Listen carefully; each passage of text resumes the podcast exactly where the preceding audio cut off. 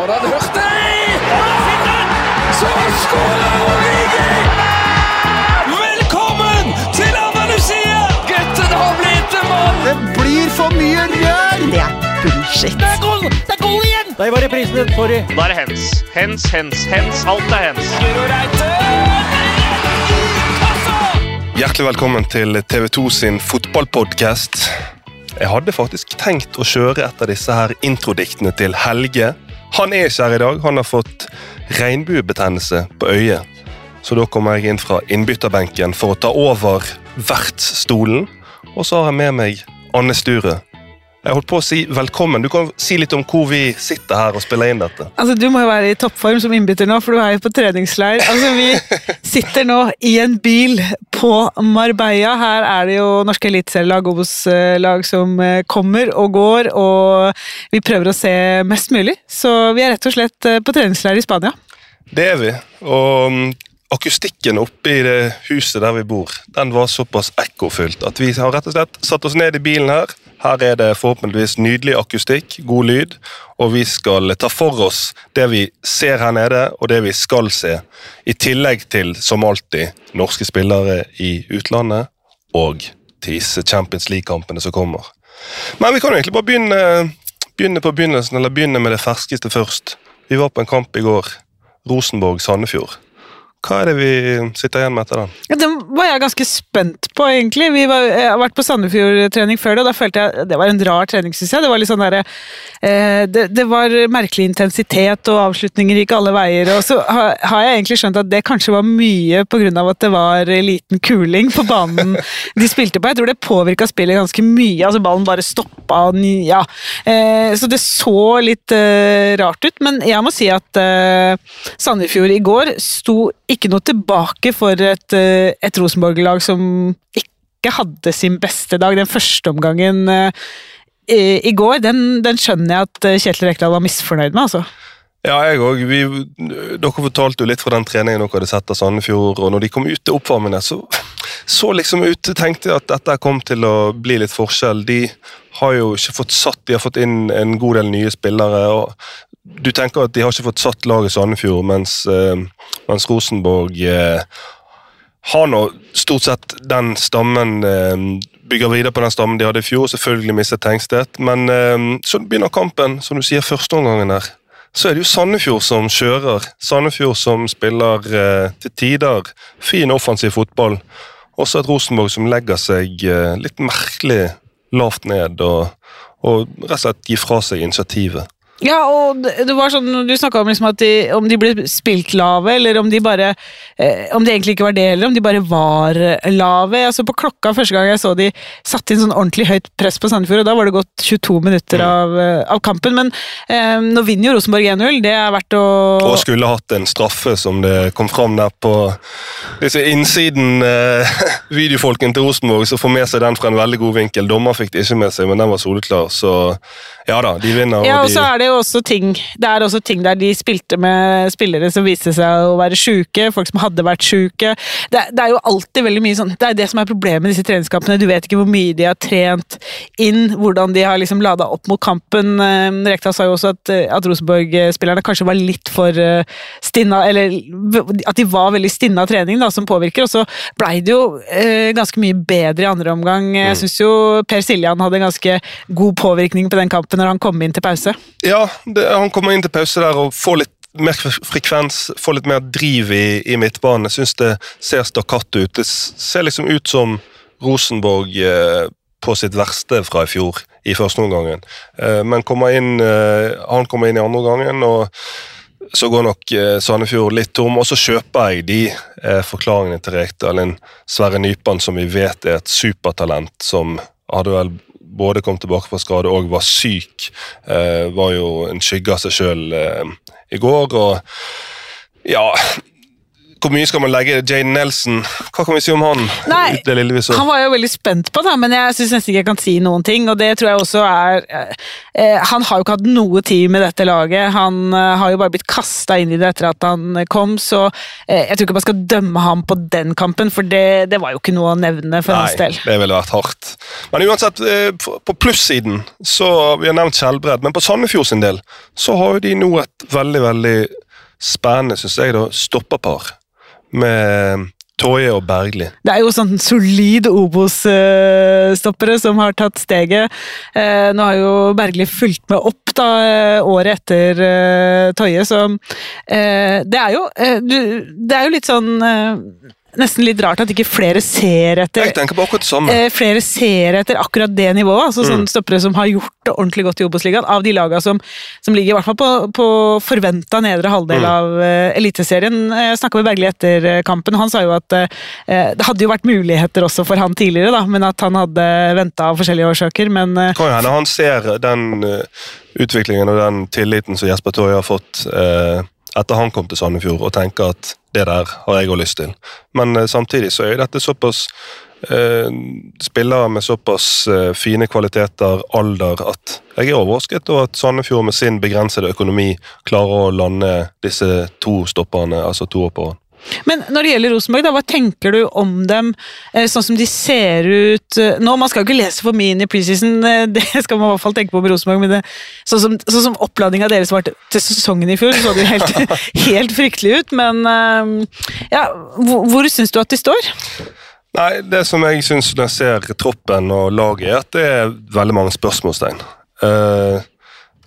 De som jeg tenker sånn er solide, som du vet er veldig gode spillere og, og et par klassespillere, er jo liksom André Hansen, Henriksen Sam Rogers syns jeg egentlig er på sitt beste en veldig solid eh, forsvarsspiller. Carlo Holse Det er jo mange som ikke var med i går også, de du han var, han var ikke med, Rogers var ikke med. Carlo Holse syns jeg er en klassespiller. Vecchia var med i går, men han var jo knapt involvert. Eh, og så Ole Sæter, som jo bare har én sesong eh, for Rosenborg, der han har vist eh, selvfølgelig et fantastisk toppnivå, men resten er det liksom sånn Hvem Der er det spørsmålstegn, der er det åpne plasser. Eh, Jeg er litt usikker på, på flere posisjoner. Hvem ville jeg brukt? Eh, kanskje sentralt på midten, mest av alt. Hvem er det som skal skape driv i dette Rosenborg-laget? Hvem er det som skal hente ball fra, fra stopper og drive den fremover? Finne pasningsalternativer gjennom ledd? Nei, jeg syns det er basert på Vi fikk jo se Børkeie og Per Siljan Skjelbred i går. Ja, og da vil jeg si at uh, Nå vet du Skjelbred uh, er jo og har, har vært en klassespiller, men alderen er jo ikke akkurat på hans side. Uh, og jeg tror ikke det er en spiller som Rosenborg kan lene seg på i 30 kamper. Um, og så ser vi at en spiller som Vebjørn Hoff kommer inn. Eh, han må jo komme seg vekk. Eh, han syns jeg er altfor god til å skulle slite benken i Rosenborg. Han viser at han for Odd i høst eh, i fjor var en fantastisk spiller. Jeg syns det ville, ville vært synd for Eliteserien og synd for han hvis vi ikke får se han andre steder enn som innbytter for Rosenborg. Reservestopper i Rosenborg. Ja, som stopper ja. Så nei Det er mange spillere som jeg, jeg er usikker på når jeg ser det, og som jeg tror eh, Kjetil Rekdal og eh, Rosenborg òg er litt usikre på hva de kan forvente. Um, så kommer det jo flere kamper her nede. Du reiser hjem i morgen, Anne, men eh, vi var jo innom Bare for å sveipe en kjapp tur innom Obos, så var vi på Kongsvinger-trening i dag. og slår av en prat med de òg. Hva var det de kunne fortelle oss? Nei, det de kunne fortelle, var vel egentlig liksom bekrefta det mange har tenkt og mange har snakka om, og det er at uh, følelsen hos laget er at det er åpent. da. Uh, og Vi kan jo snakke litt om Brann eh, etterpå, for det er et lag som har imponert meg mens jeg har vært her. Men Brann var jo liksom de, de soleklare i fjor, og, og Brann er jo liksom et lag som man kan føle nesten er for stort for Obos. Men uh, Vegard Hansen sa vel i dag at eh, nå er det litt sånn at Obos-laga spiller Obos, eh, og eliteserielaga spiller Eliteserien, mens man tidligere har hatt følelsen av at det har vært eliteserielag i Obos-ligaen. Eh, KBK er jo oddsfavoritten, og Det er vel med god grunn, når man ser hvor mange de har beholdt, men likevel så, så tror jeg det er en følelse for mange at, eh, at eh, det er eh, Det kan bli et race hvor fire-fem lag er involvert, altså. Ja, for du tenker, jo- Vi snakker jo selvfølgelig om disse to øverste plassene som gir direkte opprykk. Kongsvinger kom på sjette, sjetteplass i fjor og holdt jo på å lage et Hollywood-skript i kvaliken der, men det røk til slutt. Vi hadde mange spillere skadet, mange spillere suspendert til slutt og røk mot Sandefjord. Men sånn, det er jo disse to øverste plassene. Hvem er det som kan ta de? Og så er det sånn som du sier, jeg tror det er mange som ser på tabellen, ser på lagene og tenker det blir ikke bedre muligheter enn dette. Og Som- Kongsvinger er et av de, Så selvfølgelig. må jeg lære meg at uh, Vegard Hansen er Kongsvinger-trener. Åpna hele seansen. Jeg har fått lov til å komme på Kongsvinger-trening med å si ja, vi skal ha litt ekstra fokus på Mjøndalen i dag. Og jeg eh, sto og så på det og tenkte at shit, hun er så proff at hun legger inn en sånn feiltakelse For at det skal bli gøy? For at det skal bli gøy. Nei, nei, nei, jeg er ikke proff i det hele tatt. Det var en uh, ekte feil. Uh, det var, jeg visste jo veldig godt at jeg var på Kongsvinger-trening, men det var noe med når du snur deg og ser Vegard Hansen, så kommer bare Mjøndalen uh, opp i huet. Av annet nytt eh, i norsk fotball og tilbake til Eliteserien, så har altså årets eh, spiller 2022, Hugo Vettelsen, skrevet ny kontrakt med Bodø-Glimt. Overrasket? Nei, ikke sånn ikke, ikke etter at eh, det ble klart at de hadde sagt nei til hva var det, 64 millioner. Eh, så er jeg ikke veldig overraska. Jeg er mer spent på hva som er lagt på bordet for å, for å få det til. Ja, det jeg òg tror at eh, Men jeg tror at de um, Altså, det er jo noe med spilleren som skal prestere oppi dette, og det der å skape arbeidsro. Eh, nå er jo det internasjonale overgangsvinduet stengt, og for å skape arbeidsro så har de gjerne kommet til enighet om at ok, du skriver ny kontrakt, eh, og så er vi noenlunde enige om hva størrelse disse budene som eh, sannsynligvis kommer, er nødt til å være på for at vi skal slippe deg. Så tror jeg det sikkert da føles som en vinn-vinn, og så er det jo en kjempeopptur. Nå føler jeg at vi har mistet mange profiler, mistet mange av våre de spillerne du gleder deg mest til å se. Ja, Sånn det tenkte tenkte jeg òg. Vi får se. Altså, det er jo en av de som i fjor det, man hadde mest glede av å se spille fotball, og det får vi da i Eliteserien videre. Og så tror jeg òg Glimt Det som jeg hører fra den leiren, er at de er ekstremt revansjelystne. De eh, Der eh, slipes knivene, og de er allerede i gang i, i Europa. Gjorde for så vidt en ganske brukbar prestasjon mot Lech selv om de ikke fikk det resultatet de ønsket seg. Men eh, jeg syns det blir vanskelig å komme utenom de som forhåndsfavoritt. Jeg, altså. Kan vi, eh, når vi er her, snakke litt om en annen kamp jeg så her også? For um, jeg tror, hvis vi skal snakke om Marbella-vinnere, så må det vel nesten være Brann. Jeg var jo så Brann-Sarpsborg 3-3. Og hva var du så? Nei, altså, eh, for da hadde man jo hørt liksom Alle snakka om Brann ser god ut, Brann ser god ut. De, de ser ut som de, de har en plan, de funker sammen. Eh, og det, det var gøy å se på. Ofte er treningskamper, du føler deg litt sånn slapp. du føler deg Jeg syns det var artig å se Brann, altså. Det som eh, Jeg eh, så jo bare den kampen på TV, men så møtte jeg nå, når jeg kom ned eh, i går, så møtte jeg Sarpsborg på flyplassen. Flere av spillerne der og slår en prat. Og så, ja, hvordan har leiren vært? Nei, den har vært fin, den, sånn som alle selvfølgelig sier. Men så sa de at uh, vi, møtte, ja, vi spilte mot Brann 3-3. Fy faen, så gode de var. Ja, men altså at Det er jo klart, det er jo negativt for Brann at de slipper inn tre mål. eh, for det skulle de ikke ha gjort med tanke på hvor mye Sarpsborg eh, skapte, og det blir jo kanskje problemet deres også. Men, men altså, du tenker bare så, så morsomme Brann-kampene kommer til å bli når det blir så mye mål, da. Ja, for jeg tror ganske, de kommer til å score mye og slippe inn mye. Det er ganske uvanlig det at, eh, at du møter spillere som altså De var så åpne og ærlige, disse Sarpsborg-spillerne. bare banen, altså, de var brutalt gode. De, de var overalt. De var på oss hele veien. Det var uh, gjenvinningsfasen så altså De sa at det virket som om Brann var flere spillere på banen. Og det er jo litt sånn det ser ut òg. Ja, og så er det jo klart, de stilte jo med et lag som, eh, med tanke på hvem de hadde til disposisjon, var ganske likt det de ville gjort om det hadde vært eh, første serierunde, og de, de bytta ikke så veldig mye heller, men altså Bård Finne, som eh, har vært kanskje deres beste gjennom hele, hele vinteren, skårer to. Blomberg eh, imponerte meg, altså, nei, det, det så skikkelig, skikkelig bra. Så jeg er litt nysgjerrig, jeg vet ikke hva du tenker om det, men eh, for noe, noe av det som har blitt sagt om Brann, er jo at de trolig, og som liksom Huseklepp og Hornland også har sagt, er at de er forberedt på at de blir harde straffa i år. da. Mm. Eh, er det noe som eh, kanskje vil være annerledes når motstanderen spiller om tre poeng. Altså når, når intensiteten skrus til et takk når man går kanskje fra 95% til 100 i innsats, vil, vil Brann være mer sårbare da? Eller eh, er dette et reelt bilde på hvor de står? Jeg tror det er et reelt bilde på i hvert fall et reelt bilde på den fotballen som, de, som nå Brann er. Mm. Eh, som er noe nytt i forhold til hva de har vært eh, alle årene under LAN. Som eh, jeg syns eh, Huseklepp sa det fint eh, til, til TV 2 eh, her i Marbella at vi er ikke så gode på å legge oss ned og, og ligge og ta imot. Vi er best når det er vi som går ut og griper initiativet, når vi tør å stå opp. Og, jage flere mål, jage liksom. flere mål Mm. og Vi er ikke så gode på å skulle ligge og Hva skal du si? Eh, ikke ha initiativ i kampen. Sånn at jeg tenker, Når de er så åpne med at det er ikke deres styrker, så For det for, eller så, Bekymringen for eh, mange er jo det at de skal spille feiende flott fotball nå i oppkjøringen, komme til serien, få kanskje noen litt tøffere opplevelser, og så trekke seg tilbake igjen Og og bli feige. Og bli feige. Mm. Men hvis de sier at det er en et, et, type spill de mestrer dårlig, så er det kanskje mindre grunn til å være bekymret over det. Ja, for det, at plan B er så dårlig at de bare går for plan A, liksom. Ja. Og så ser du at de, de rekrutterer spillere, og de har spillere til å spille den type fotball.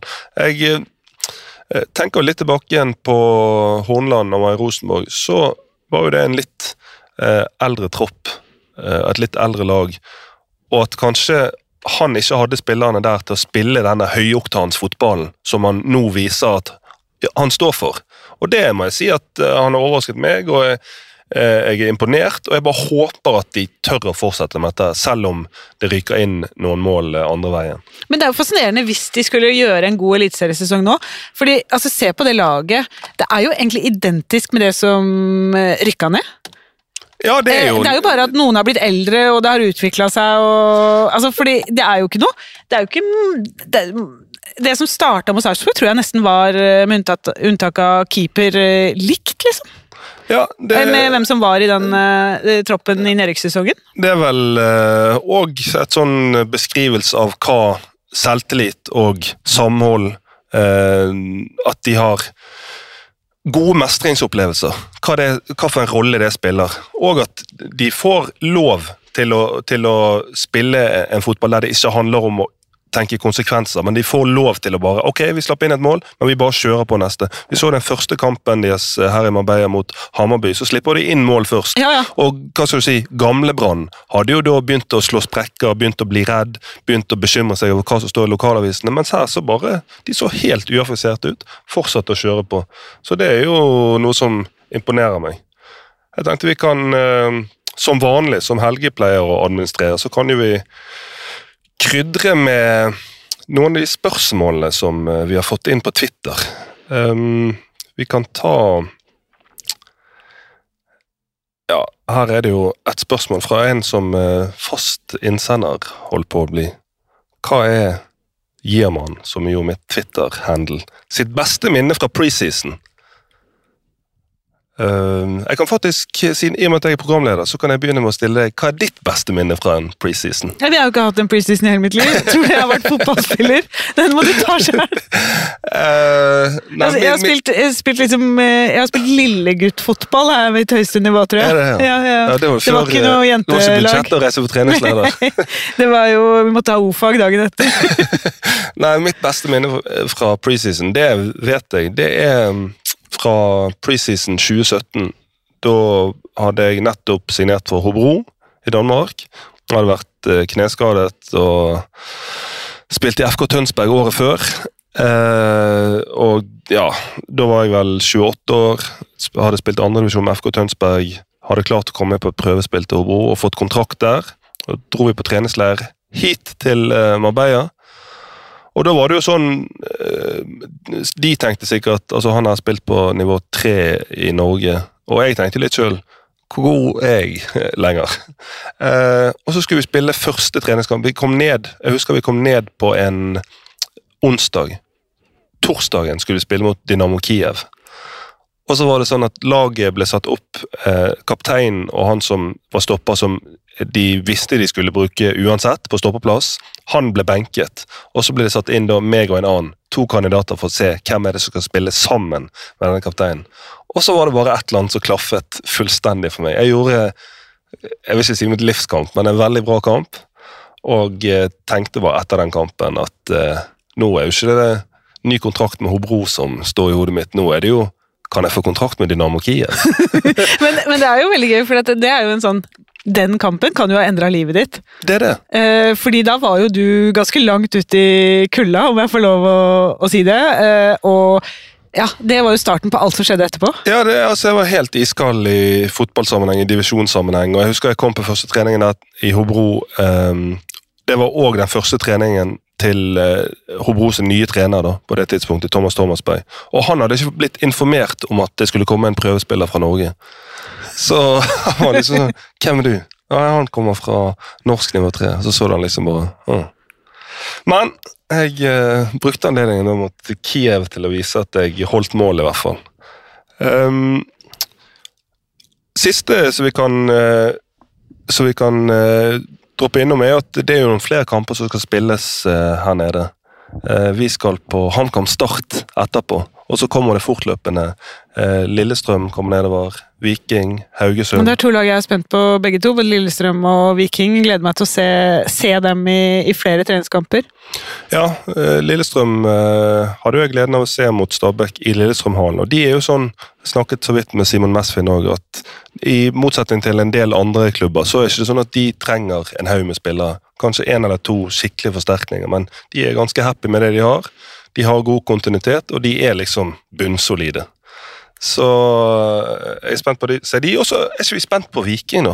Jo, veldig. den merkelige sesongen de hadde. Eh, de var jo De var jo helt uh, strålende og helt elendige, uh, og alt i løpet av én sesong. De var jo, og de var jo serievinnere og nedrykkskandidater altså i, i samme sesong.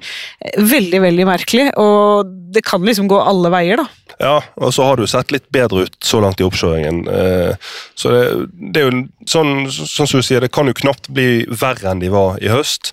Men samtidig så har vi sett lag tidligere som er inne i en dårlig steam eh, på høsten, og så tar de med seg formen eh, videre på inn i neste, sesong. Tilsvarende eh, lag som har hatt en fantastisk høstsesong, og så tar de med seg den inn i neste. Så Ja, Når du nevner HamKam også, så er jo det et lag som jeg tenker sånn er det når du sitter i bil.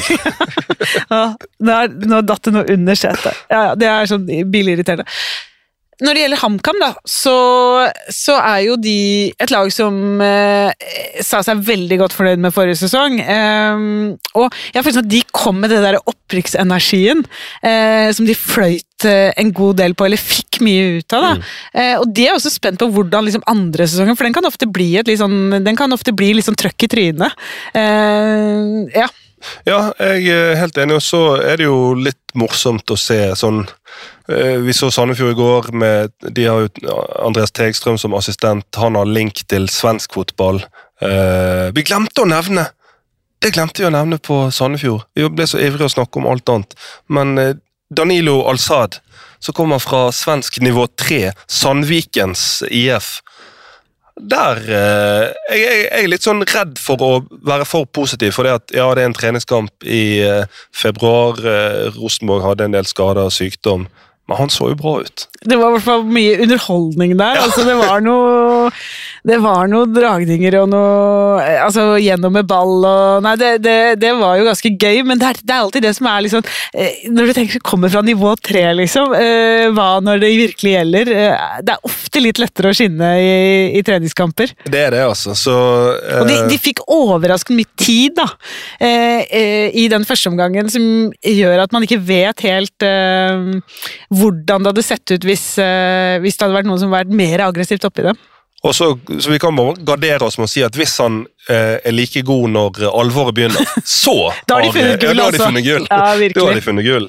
Men eh, det poenget mitt var at Tegstrøm som assistent Sandefjord han har jo link til Sverige, som gjør at de kan se litt eh, nedover i divisjonene. Se, eh, kanskje finne spillere som andre klubber ikke er så oppmerksom, eh, oppmerksom det på. trenger de jo veldig altså De må jo virkelig gjøre sånn De må jo nesten trylle med de pengene De de, har. det. og det er jo kanskje det de har gjort med Danilo Alsad. Men eh, tilsvarende om HamKam og Jakob Mikkelsen. Han har jo selvfølgelig en link til eh, Danmark. Og så henter de Jens Martin Gammelby. Ja, han, har du spilt mot, ikke sant? Han har jeg spilt mot, både i Silkeborg og når han var i Brønnby. Og han var jo liksom sånn kjent i Danmark som en Ja, han gikk fra Silkeborg til Brønnby. Altså en sånn profil. eh, Ble hentet til Brønnby som en profil og har en vanvittig dødballfot. En spiller som, idet jeg ser at han er klar for HamKam, så må jeg innrømme blir veldig overrasket og tenker hvordan i all verden har de fått det til? Så han, han er jeg veldig spent på å se nå etterpå, hvis han skal spille. Vi skal jo på kamp. eh, vi skal se HamKam Start. Og når vi er der oppe, så det er jo mye kjentfolk, det er mye fotballfolk rundt disse kampene, så vi håper jo å få noen i tale. Ja, eh, altså Målet vårt er når vi stikker ut nå, at det skal være noen podkastverdige som eh, kan bidra litt med sine inntrykk så langt fra Marbella. Og så er det gøy for de som hører på, som ikke vet hvem som kommer på her. Så forhåpentligvis får vi tak i noen som har eh, noe spennende å si. Så der er det bare å følge med. Og så etter, etter eh, vi er tilbake igjen fra kamp, etter vi har fått noen storfisker på kroken, så skal vi snakke internasjonal ball og snakke litt om hva de norske spillerne i utlandet har levert. Da vi lovte å få med noen storfisk, og jaggu så har ikke vi kastet ut kroken og fått en storfisk på kroken. Det er Freddy Dos Santos, velkommen. Jo, takk for det. Det er en stund siden jeg var mer enn en, eh, en lyr eller en, eh, en sei, men eh, takk for det. Jeg kan huske tilbake til de tider da jeg var en hai. De fleste som hører på, tror jeg husker deg som spiller, men bare helt kort, hva er det du jobber med nå? Hva er din tittel? Ja, nå jobber jeg jo i norsk toppfotball, så jeg jobber jo veldig tett på dere i TV 2 med, med alt det dere skal gjøre for, sammen med norsk fotball i seks år og framover. Eh, og så er tittelen min eh, prosjektleder og sponsoraktiverer, eh, så jeg jobber mot eh, alle ligasponsorene spesielt. Og så er du selvfølgelig en som elsker norsk fotball, følger mye med. Så jeg har lyst til å bare rett fra, ut fra startblokkene utfordre deg. Topp fem. Eh, hvordan ser de øverste fem plasseringene i Eliteserien ut når vi kommer til desember? Oi, ja, det er, eh, det er jo en eh, veldig vanskelig ting å spå når det er halvannen måned igjen til seriestart, når du ikke vet eh, hva slags krutt klubbene legger inn i det siste halvannen måned av, av eh, overgangsvinduet. Men uh, det skal forundre meg veldig hvis ikke Rosenborg, Bodø-Glimt og Molde i eh, ja, skal, jeg, skal jeg definere rekkefølgen nå, eller? Ja, ja. jeg skal det, ja. Ja, ja. Hvis ikke disse tre da, tar eh, topp eh, tre-posisjonene, eh, og da ser jeg Vil jeg tippe Det er min gamle klubb Molde kanskje øverst. Jeg syns de ser veldig sterke ut. Det var imponerende i fjor. Og så har Bodø-Glimt synes jeg fortsatt litt de skal spille inn igjen for å få alle brikkene til å fungere på nytt igjen, når de har mista en del og sånn. Så eh, det står mellom de og Rosenborg på andre- og tredjeplass. Så tipper jeg kanskje at Glimt tar det hestehodet foran Rosenborg. og så har jeg en drøm om å si at Vålinga klarer å blande seg oppi der, så jeg får si da at de eh, kommer rett utenfor. På For det var jo eh, grunnen til at jeg, jeg tenkte, tenkte jeg skulle spørre deg om topp fem. Se om du tør å melde inn Vålerenga der, eller om eh, du er realistisk og tenker syvendeplass. ja, det er det veldig realistiske og veldig aktuelle posisjonen. De har sjetteplass i fjor. Jeg syns jo at uh, hvis man ser den, uh, de to de som kom over de i fjor, da, Odd og Lillestrøm, så syns jeg at Vålerenga absolutt burde kunne være med og kjempe sammen med de om, eh, om plassene rett bak topp tre. Så For når jeg, jeg har sett Mm. Vålerenga nå litt i treningskampene, så jeg syns jo stammen i laget, spillermaterialet, spillermateriale, det er jo steinsolid. Jeg tror det er veldig mange trenere i Eliteserien som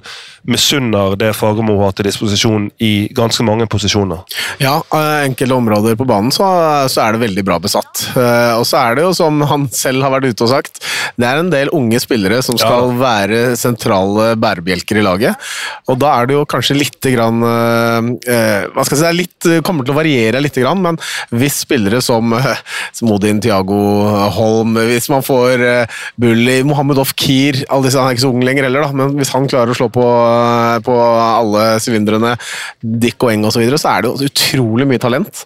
Eh, og så, så er, jeg, er et av mine spørsmålstegn er jo om eh, vi er på godt nok bli sagt helt framme. da. Børven har ikke noen spesielt eh, god makker, så hvis han, eller i hvert fall etablert makker, kan jo si at Sidiata kan jo være en sånn spiller som kan blomstre i år, men har jo ikke gjort det ennå. og, og så Børven ligger en god del eh, skåringsansvar på. Det er kanskje der hvor jeg ville vært eh, hvis jeg hadde sett eh, eh, Joakim Jonsson dypt i øya og sagt Ja. at du må skaffe én eh, spiller nå, så er det en backup Og med en tanke eh, på ja. skadehistorikken til Børven òg, så er det jo sånn hvis det er hovedkortet og kanskje ja, nesten eneste kort eh, der, så er de veldig sårbare. Men jeg tipper at de tenker litt i samme bane som det du gjør her. Men vi er ikke, altså, du har ikke sagt ikke ferdig, nei. Jeg tipper eh, da, jeg tipper da at uh, Vålinga tar nummer fire, eh, og så tror jeg Lillestrøm tar nummer fem.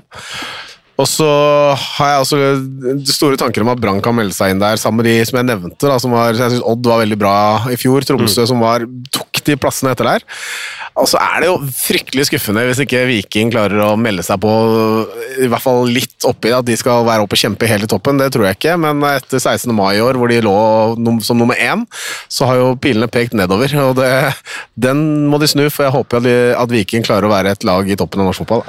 Og så tror jeg eh, altså mitt, Jeg tenker et lag som kan overraske, som eh, kom eh, hadde en elendig tabellplassering i fjor. Men jeg tenker Isnes Godset Ja. kan være et overskriftslag i år. Ja da, min eh, gamle venn fra Skeid eh, Isnes. Ja, absolutt. De, eh, han er veldig god til å skape kollektiv og en spillestil og en, en trygghet i en fotball, et fotballag. Det er å se om de midlene han har klart å gjøre det eh, KFM til et såpass godt lag som han har klart.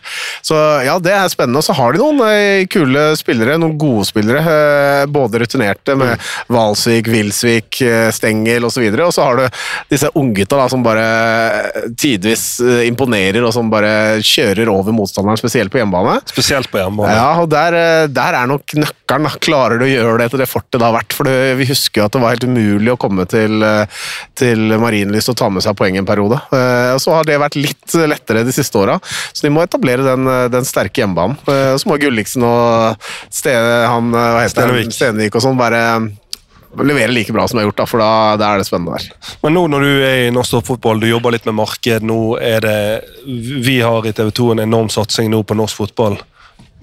Trekk frem dine beste hva skal du si, markedsføringsevner og fortell hvorfor du gleder deg til elitesesongen og egentlig generelt norsk fotballsesongen 2023. Ja, eh, jeg syns jo Jeg gleder meg veldig da, til å få sagt først før jeg begynner med det, at jeg skal jobbe med dere, mine gamle kolleger i TV 2-systemet. Syns jo det er en voldsom kraft når vi har møter med TV 2 og skal snakke om norsk fotball. Så bare den, og det, det er ikke til forkleinelse for det Discovery har gjort, for jeg syns de har vært kjempegode, men jeg bare kjenner igjen den derre det, den gløden som brenner i øya på de du snakker med når du kommer inn i et møte og det sitter ti stykker fra TV 2 der, og de, de virkelig med passion snakker om fotballen, selv om de har vært brennende opptatt av Premier League i mange år nå, så, så føles det som det er ikke tull, og det, det skinner ikke gjennom at de virkelig føler seg at de har kommet litt hjem til norsk fotball nå, for det er TV 2 har vært synonymt med norsk fotball i så mange år tidligere. Så det er én ting som jeg føler er veldig bra med norsk fotball om dagen. Men så er det også, jeg syns eh, de resultatene som klubbene våre viser, profilene som vi har klart å skape, som alle har starta i Eliteserien, som Martin Ødegaard spilte for Godset, eh, Braut spilte for Bryne og, og Molde, det er to av de største spillerne i verden. Vi har gode spillere i Fredrik Aursnes, andre Helsander Berge som spiller ute der, og som alle har starta sine karrierer i vår hjemlige liga. Og der er det, det er bedre enn det man eh, måtte hadde en lang tendens til å, å tenke om norsk fotball, og det tror jeg flere og flere får øya opp for. Det er bra tribuneliv òg. Kulturen på tribunen. Man ser hvordan supporterne reiser på bortefølge. Altså det er Tromsø som har fått for seg Tromsø. Det er bra oppmøte nå i, Ålesund. Hvis jeg skal unngå å trekke fram alle de, de store som alltid som har vært der, men det er utrolig gøy. da. Start, som vi har sett uh, spille bak oss nå, som leder 2-0 til pause mot HamKam. De, er, uh, de, er, uh, de reiser med et stort følge på bortebane. Eh, de begynner å fylle sine stående, syngende supportere hjemme. Jeg syns det er en ganske kul trend i norsk fotball. Da, at det er kult å heie på norske lag, være til stede på arenaen igjen. og Det håper jeg mange får øynene opp for utover. Huh, jeg har klump i halsen, jeg har tårer i øynene og jeg har gåsehud. Freddy, tusen takk for å være med her i fotballpodcasten vår. Det var bare hyggelig. Fra den ene legenden til den andre så har vi gått fra Freddy Dos Santos, og nå har vi med oss Ruben Yttergård Jensen. Hallo, hallo. Litt lenger nord. Litt lenger nord. Og det er representant og kaptein for det som eh, nesten er blitt et eventyr i nord. Vi, altså det snakkes så mye om eh, Glimt som eventyr i nord, men dere har eh, i fjor og, og fortsetter å få mye ut av lite ressurser.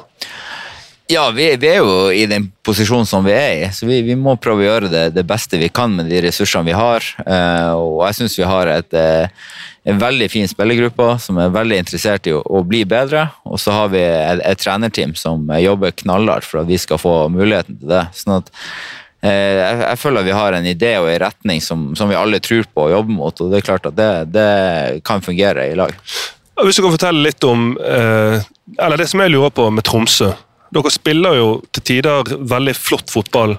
Eh, spillere som tør, spillere som tar risiko, og når det lykkes, så, så er det jo eh, utrolig imponerende. Men hvordan er det dere jobber for å få spillere som tør å spille fotball, tør å ta risiko, tør å ville ha ballen i trange områder? Altså, vi, vi, tenker jo utvikling. Vi er jo en klubb som er opptatt av utvikling. Og vi tror at eh, med å ha, ha en trygghet med hverandre og, og som lag gjør at, eh, at spillere tar, tør å slippe ned skuldrene og, eh, ja, og gjøre egentlig det man gjør, gjør, på trening. Og så er det jo det der med at hvis, hvis man klarer å få eh, laget til å tro på noe og ha det samme og ha sterkt at man stoler på hverandre, så, så hjelper det kraftig det å, å, tørre. Men Hvordan får dere den tryggheten? Sånn som Du som har vært, eh, spilt i utlandet, spilt på landslaget, er jo en, en skikkelig eh, lederstjerne i det miljøet, eh, sammen med mange unggutter. Hvordan får du de til å bli trygge på deg, og hvordan blir dere trygge på hverandre? ja, vi, vi, vi, bruker blant annet Når vi er på treningsleir nå, så bruker vi tid på å bli kjent med hverandre og, og prate i lag. og Vi prøver å unngå at vi, vi har grupperinger i, i, laget der man har på en måte kanskje utlendinger for seg sjøl. Ja, for dere er veldig bevisst på det? Ja, vi, vi, ønsker at alle skal kunne prate med alle, og at uh, alle er på en måte likestilt. Mm. Eh, og det er ikke sånn at eh, at jeg skal gå rundt og ha fasiten hele tida, eller, eller, eller, bestemme. det, det, vi, er, vi, er, et lag ja. eh, som sammen skal få det her til å fungere, og, det, og der vi er åpne for både innspill og kritikk eh, fra alle eh, på hvordan vi kan bli, bli, bli Så når dere spiller fire mot fire, og du er litt ute av posisjon, og en ung eh, Runar Norheim skjeller deg ut, så tar du imot det, da?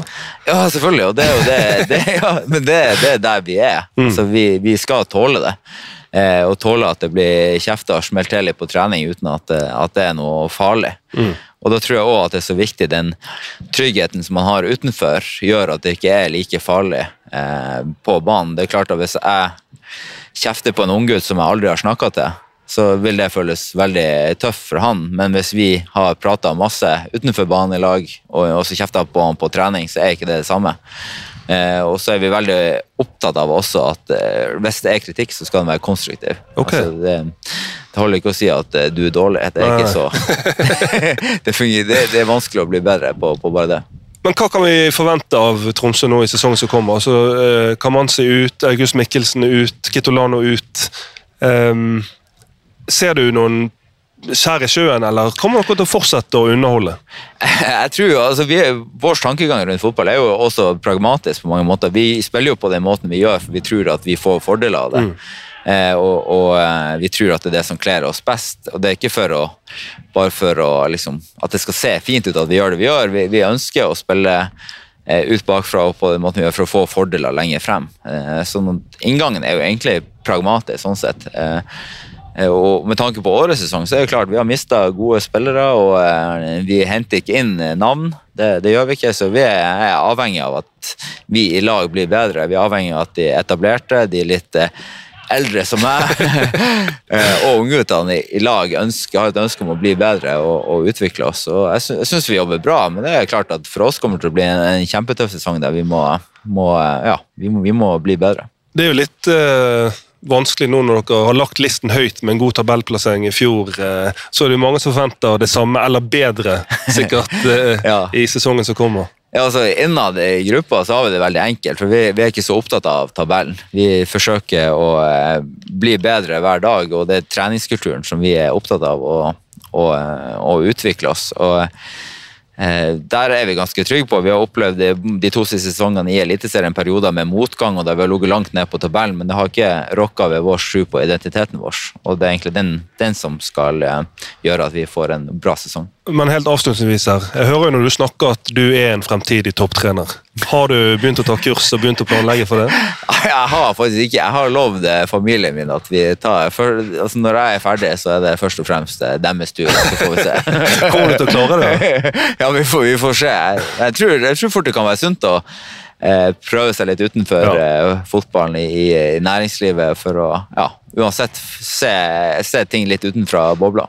For min del så kommer jeg til å bli sjokkert om jeg i løpet av fem-seks år ikke ser deg i Kanskje ikke i dress, men i hvert fall i joggedress på trenerbenken hos en eliteserieklubb.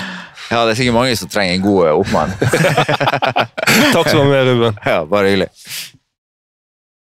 Vi er tilbake igjen fra kamp, eh, Anne. og eh, Da må vi snakke litt internasjonal fotball. For eh, det er ikke bare i Marbella det er norske spillere i aksjon. Det er det òg i utlandet. Nå er det jo så mange som leverer godt at jeg vet ikke hvor vi skal begynne. Men vi kan jo begynne med Vi snakket tidligere i episoden om at det gikk litt trått for trønderne i Rosenborg. Men det er en trønder i Roma som det ikke går like trått for. Nei, altså Jeg trodde jo det gikk ordentlig trått for Ola Solbakken. Da jeg hørte Mourinho snakke om han. For eh, jeg var tydeligvis ikke godt nok kjent med taktikkene og spillebehandlingen til Mourinho. For eh, han var jo eh, han var jo sånn ganske eh, brutal i liksom Nei, han, kan, han er helt Han forstår ikke eh, hvordan vi ønsker å spille engang. Altså, så jeg tenkte Nå er Solbakken helt ute i kulda, men du tolka det litt annerledes? Ja, Vi diskuterte dette i podkasten her, om det var, var det forrige uke eller for to uker siden. Eh, da når eh, Mourinho gikk ut etter og sa at Solbakken skjønner ikke taktikken på den samme måten som de andre spillerne. Og så er jo det Mange av de som kjenner Mourinho, har jo sagt at når han kommer med denne type offentlige, krasse tilbakemeldinger, så er det faktisk fordi at han har litt troen, eller fordi han bryr seg. Fordi at hvis, du, hvis det er noen han overhodet ikke har troen på, så eksisterer ikke de i Mourinho sin verden. Eh, og så er det jo sånn som han eh, tydeligvis liker også å teste spilleren, teste karakteren. Eh, gi de en sånn eh, drittpakke i media for å se hvordan de responderer. Den testen har jo Ola Solbakken bestått, da, for nå kom første skåringa. Og da er det jo ekstra gøy at det er en skåring som eh, er helt Altså, de vinner 1-0, han blir matchvinner. Den, den blir jo så viktig for dem. Det er jo en klasseskåring, eh, og du ser jo altså Viktig for de, men tenk deg hvor viktig for han. Du ser på feiring hva det betyr. Og han har jo vært eh, iskald til nå, stort sett i Roma. Men det der å bli matchvinner eh, for en pragmatiker som Mourinho, så er det jo automatikk i at da viser du at du kan, at du kan bli kampergjørende. Så mm, Så ja, jeg vet ikke hvordan vi hadde respondert på en sånn type offentlig kilde. Altså, jeg tror jeg, jeg, jeg tror jeg hadde vært liksom ganske mye mer glad i litt sånn oppbacking og klapp på skuldra. Jeg tror jeg hadde bare sagt sånn Ok, nei, men jeg, jeg slutter på laget, jeg, da. Men eh, nei, det er nok eh, ikke den eh, stilen til Mourinho som er for alle, men tydeligvis er han for Ola Solbakken. En, en annen som har tatt til seg, ikke kritikk, men rett og slett bare for det vi diskuterte i forrige uke i podkasten, ja, det blir jo litt sånn eh, nesten et norsk oppgjør eh, Eller Helge spilte opp eh, at vi kunne få det med Benfica mot Klubb Brygge, og så sier jeg at eh, ja, det er jo tidlig for eh, både Kjeldrup og Nusa, så vi får se. Men nesten så vi glemmer at Aursnes er i Benfica, fordi han er så stabil, han er så god. Ikke nødvendigvis spe spektakulær, men spektakulær i kvaliteten av visa. Ja, jeg har jo sittet noen ganger eh, Når man har sett Benfica, så er det nesten sånn at du bør sitte og følge med spesielt på Aursnes for å se egentlig hvor mye han gjør som er eh, godt og, og klokt og riktig. Um, og nå ble han jo kåra til eh, banens beste og sier jo at eh, nei, nei, dette er ikke, dette er ikke, min, ikke min beste kamp i det hele tatt, liksom. Jeg tenker at Når du er kommet på et nivå der du blir kåret til banens beste, og du, han kåret til rundens spiller eh, i Champions League for den runden òg, og du tenker at nei, dette er ikke mitt eh, toppnivå, så begynner det å bli ganske greit. Da begynner det å bli ganske greit. Når du på en eh, vanlig arbeidsdag eh, vinner, vinner de kåringene. Jeg var jo i Dortmund og så en norsk Champions League-debutant også. Ja. Julian Ryerson, som kom inn mot Chelsea, vant mot Chelsea. Altså, det var jo helt uh, stappfullt uh, på arenaen. Uh, hele den gule veggen var helt sånn den var, den var helt fullpakka. Og det elevene som Ryerson kom inn i der, han sa at han, la ikke så mye merke til når han spilte, for du blir så høy på adrenalin og alt sånt, men eh, det være en ganske artig debut. Ja, altså, tenk altså, Nå har jo han eh, spilt ute en stund og, og brynt seg på, på, både tøff motstand og liksom eh, fryktinngytende arena. Men det der å se hvordan han som norsk spiller fra, fra lille Norge mestre av det trykket som er i Dortmund. For det er jo ikke alle som tåler det der. Det er jo Nei. folk som ville, ville kanskje blitt vel forsiktige og ikke klart å levere på sitt beste eh, med et så massivt trykk fra tribunen. Ja, men jeg, jeg spurte han jo dagen før kamp om det også, da sa han Det var liksom det første han sa, bare eh, 'Jeg liker press'. Ja, Jeg liker det. tydeligvis. Eh, ja, og, for det er jo også noe med det at han er jo en av de som Han, han gikk jo fra, fra Viking, eh, faktisk da de spilte Obos-fotball, til Union Berlin. Mm. Og Union Berlin vokste jo også veldig mens han var der, eh, til å liksom når han gikk eh, ligge i toppen eh, av tabellen i Bundesliga. Men det er, jo, det er jo et steg allikevel til Dortmund, til Champions League-fotball, til å møte Chelsea. Jeg spurte liksom, Hva er det med deg som gjør at du eh, fikser det, når så mange andre kommer hjem igjen og eh, bare har sittet på benken og Og det er jo et veldig godt spørsmål, og da svarer han altså at han elsker press. Han liker press. Eller så, så vet han ikke helt, men det er liksom, han gir seg aldri. Han liker press, eh, og han jobber knallhardt. Og det er jo ingen tvil om at det hjulpet han i starten i Dortmund. altså Den vanvittig fysiske formen han er i. Eh, som også Terzic har sagt, at liksom, du kan bare, han kunne bare slenge han rett inn fra eh, han kom, og da trengte de han jo. Så han har jo liksom, fram til den eh, Champions League-kampen hvor han starta på benken, så har han jo starta alt unntatt den kampen han var sjuk, så han har jo liksom eh, Og det sammenfallende med en veldig god periode for Ja, for det, Vi har fått et spørsmål her fra Martin Salbu, som skriver tittelkampen i Tyskland. Eh, Dortmund med åtte strake seire etter at Ryerson kom til klubben. Kan de klare tittelen? Og Det er selvfølgelig vanskelig for oss å spå, men det har jo og det er jo sånn klisjé bla, bla, bla-effekten. Men Ryerson-effekten kan vi snakke om. Ja, altså, eh, jeg spurte han jo om det òg, og da sa han bare sånn Nei, du er ikke den første som spør om det. Men jeg tror nok det er, eh, jeg tror nok det er mer Jeg tror ikke det er Ryerson-effekten, men det er jo ingen tvil om at det gir jo en boost å komme inn på et sånt tidspunkt. Um, de, de har sett rett og slett kjempegode ut, eh, og de er liksom tilbake der man forventa å ha de da. Eh, og de lå ti poeng bak eh, da vi gikk til VM-pause. De lå ti poeng bak til jul, og nå er det liksom likt. Eh, Det blir et vanvittig race der, da. Det er jo tre, tre lag på samme poeng akkurat nå eh, på toppen av Bundesliga. Ja, og der andre ligaer eh, eh, altså får en, får en del sånn kritikk for at det er for få lag som kjemper i tittelracet, så er jo Bundesliga der er det jo helt vidåpent nå, som, Ja. som du beskriver. Men et annet lag som trenger denne Ryerson-effekten, vet du hvem jeg tenker på nå? Mm, Nei. Norge.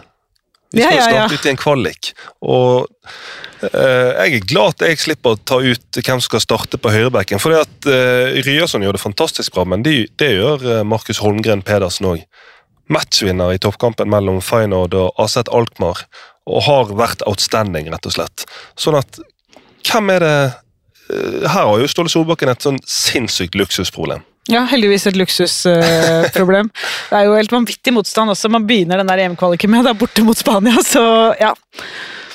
Hadde vi bare hatt uh, altså tenker liksom sånn eh, Det norske laget, det norske troppen, uten at vi skal se for langt frem dit ennå, men eh, når det er så intens konkurranse på eksempel på høyrebackplassen, når vi har eh, kanskje verdens beste spiss, en av verdens beste playmakere, men skulle vi hatt kanskje kvaliteten fordelt litt mer på posisjonene?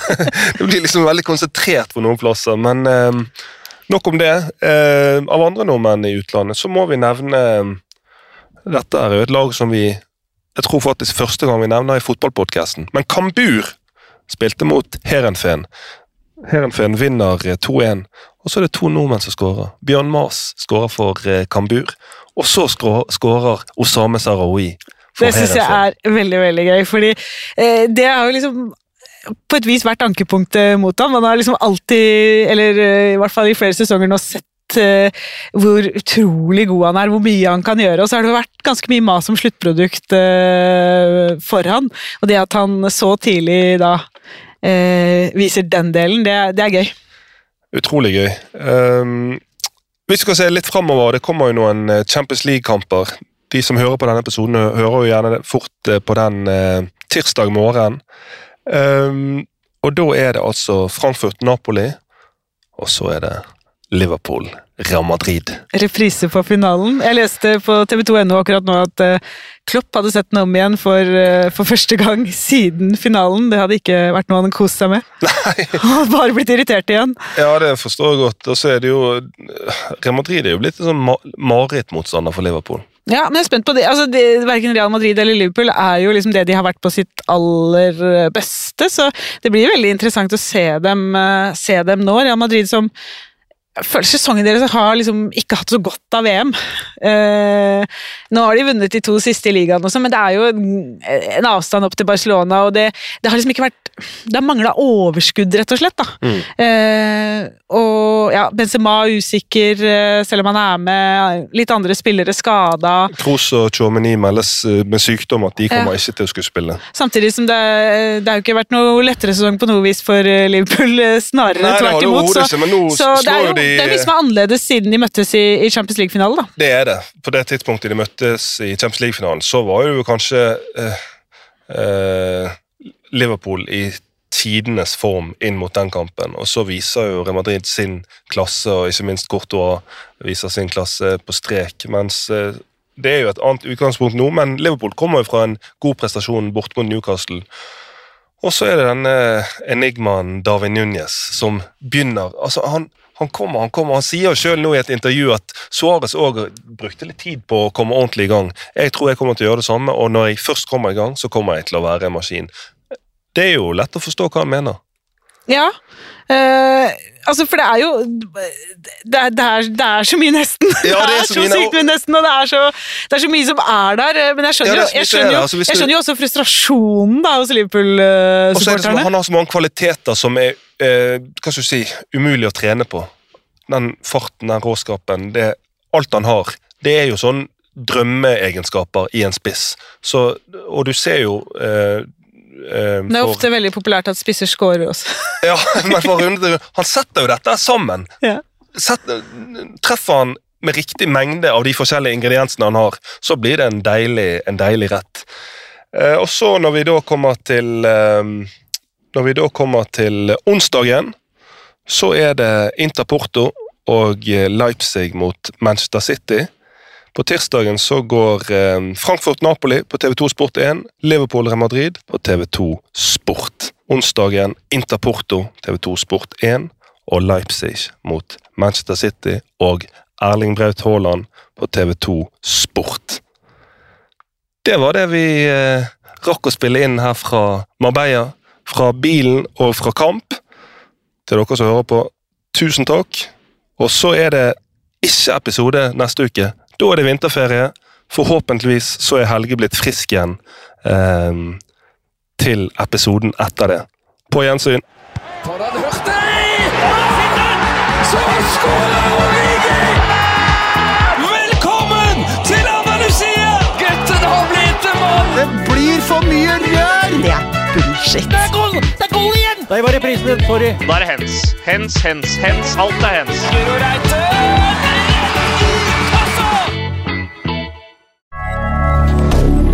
Moderne media.